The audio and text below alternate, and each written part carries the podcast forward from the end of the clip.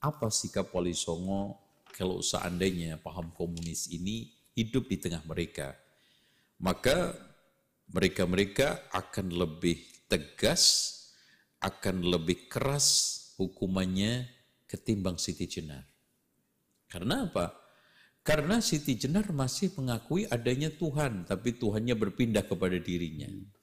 Tapi ini nggak mengakui adanya Tuhan. Walaupun sama-sama ada ekstremismenya.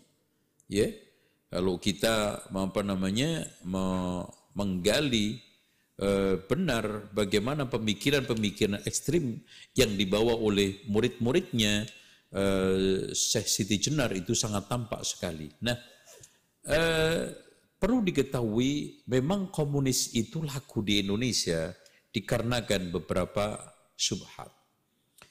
Eh, setelah Indonesia mengalami keterpurukan dan juga penjajahan yang cukup pahit dan lama, maka anak-anak bangsa yang ingin cepat untuk memerdekakan keluar dari keterpurukan ini mencoba untuk melakukan langkah-langkah mencari menerka-nerka pemikiran apa yang paling pas untuk mengentaskan keterpurukan dan juga kehinaan ini ya bahkan munculnya eh, siapa Cokro Aminoto yang hmm. dinobatkan menjadi ratu adil hmm. Diponegoro juga mengaku ratu adil ini semuanya sebetulnya ekspresi keinginan mereka ingin cepat keluar daripada kehinaan, keterpurukan dan penderitaan yang lama dari penjajahan tersebut. Nah, akhirnya muncullah berjuang untuk kebangsaan. Semuanya konsepnya adalah konsep kebangsaan. Nah, secara umum eh, perjuangan kebangsaan untuk melahirkan Indonesia, putra-putra Indonesia itu terbelah menjadi tiga kelompok. Ya, kelompok yang pertama adalah kelompok pro agama. Ya, ini didominasi oleh uh, Cokro Aminoto sendiri dan juga sebelumnya ada Saman Hudi walaupun lebih berbasis kepada perdagangan. Kemudian ada Agus Salim, ya, diteruskan lagi ada uh, apa namanya uh, siapa? Uh, Kartosuwiryo hmm. ini semuanya uh, punya rentetan. Nah kelompok yang kedua inilah yang akhirnya mendominasi yaitu kelompok netral agama. Yang di dalam yang dipelopori oleh Soekarno dan Hatta ya. Dan juga di sana ada Muhammad eh, Muhammad Yamin dan yang lainnya ya. Dan inilah yang akhirnya melahirkan kemerdekaan yang memproklamirkan eh, Indonesia yang dibacakan langsung oleh Soekarno. Nah, ada satu kelompok lagi menganggap yang lebih represif, yang lebih cepat revolusioner adalah komunis.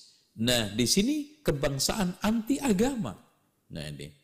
Dan tampaknya tiga kelompok ini sampai detik ini itu masih bersaing secara pemikiran. Makanya kalau seandainya ada tokoh yang mengatakan disusupin PKI, komunis dan yang lainnya, itu bukan ada orang-orangnya secara nyata. Pemikiran-pemikiran itu sudah nyusup ke sana, itu maksudnya. Karena PKI sudah nggak ada. Partai Komunis Indonesia itu sudah nggak ada. Tapi, tapi pemikiran ini terus. Dan di sana ada semacam persaingan, kadang sehat, kadang lebih tidak sehatnya gitu. Tapi intinya kita harus mengakui keberadaan bahwa putra-putra bangsa ya mereka-mereka tokoh-tokoh berlian dari kalangan bangsa Indonesia itu sebelum Indonesia itu lahir muncul tiga kelompok besar. Kelompok yang pro agama kelompok netral agama nah kelompok anti agama sehingga dari sinilah e, mencoba untuk memperjuangkan juga awalnya. Bahkan di antara mereka ada yang mencoba untuk mengislamisasikan komunis coba bayangkan Ya kan gitu. Di Sumatera ada Haji Batuto ya, hmm. Batu apa? Batuah ya. Haji Batuah ini kan sebetulnya awal dulu teman perjuangannya Haji Rasul kan gitu. Hmm. Bagaimana dia itu bisa menjadi komunis? Bahkan dia mengatakan komunis Islami kan gitu. Di Jawa juga ada yang mengislamisasikan komunis, komunis Islami. Bahkan ketika menyampaikan pemikiran-pemikiran komunis itu pakai Quran hadis yaitu Kiai Haji Misbah bahkan Kiai Haji. Ini menunjuk, ini ini semuanya memberikan satu isyarat awalnya mereka itu punya niat baik. ingin cepat untuk memerdekakan Indonesia, ingin mengentaskan kemiskinan, keterpurukan dan penderitaan bangsa Indonesia dari penjajah, cuman mereka melakukan langkah-langkah yang akhirnya dikoreksi oleh sejarah. Itu aja. Allah a'lam.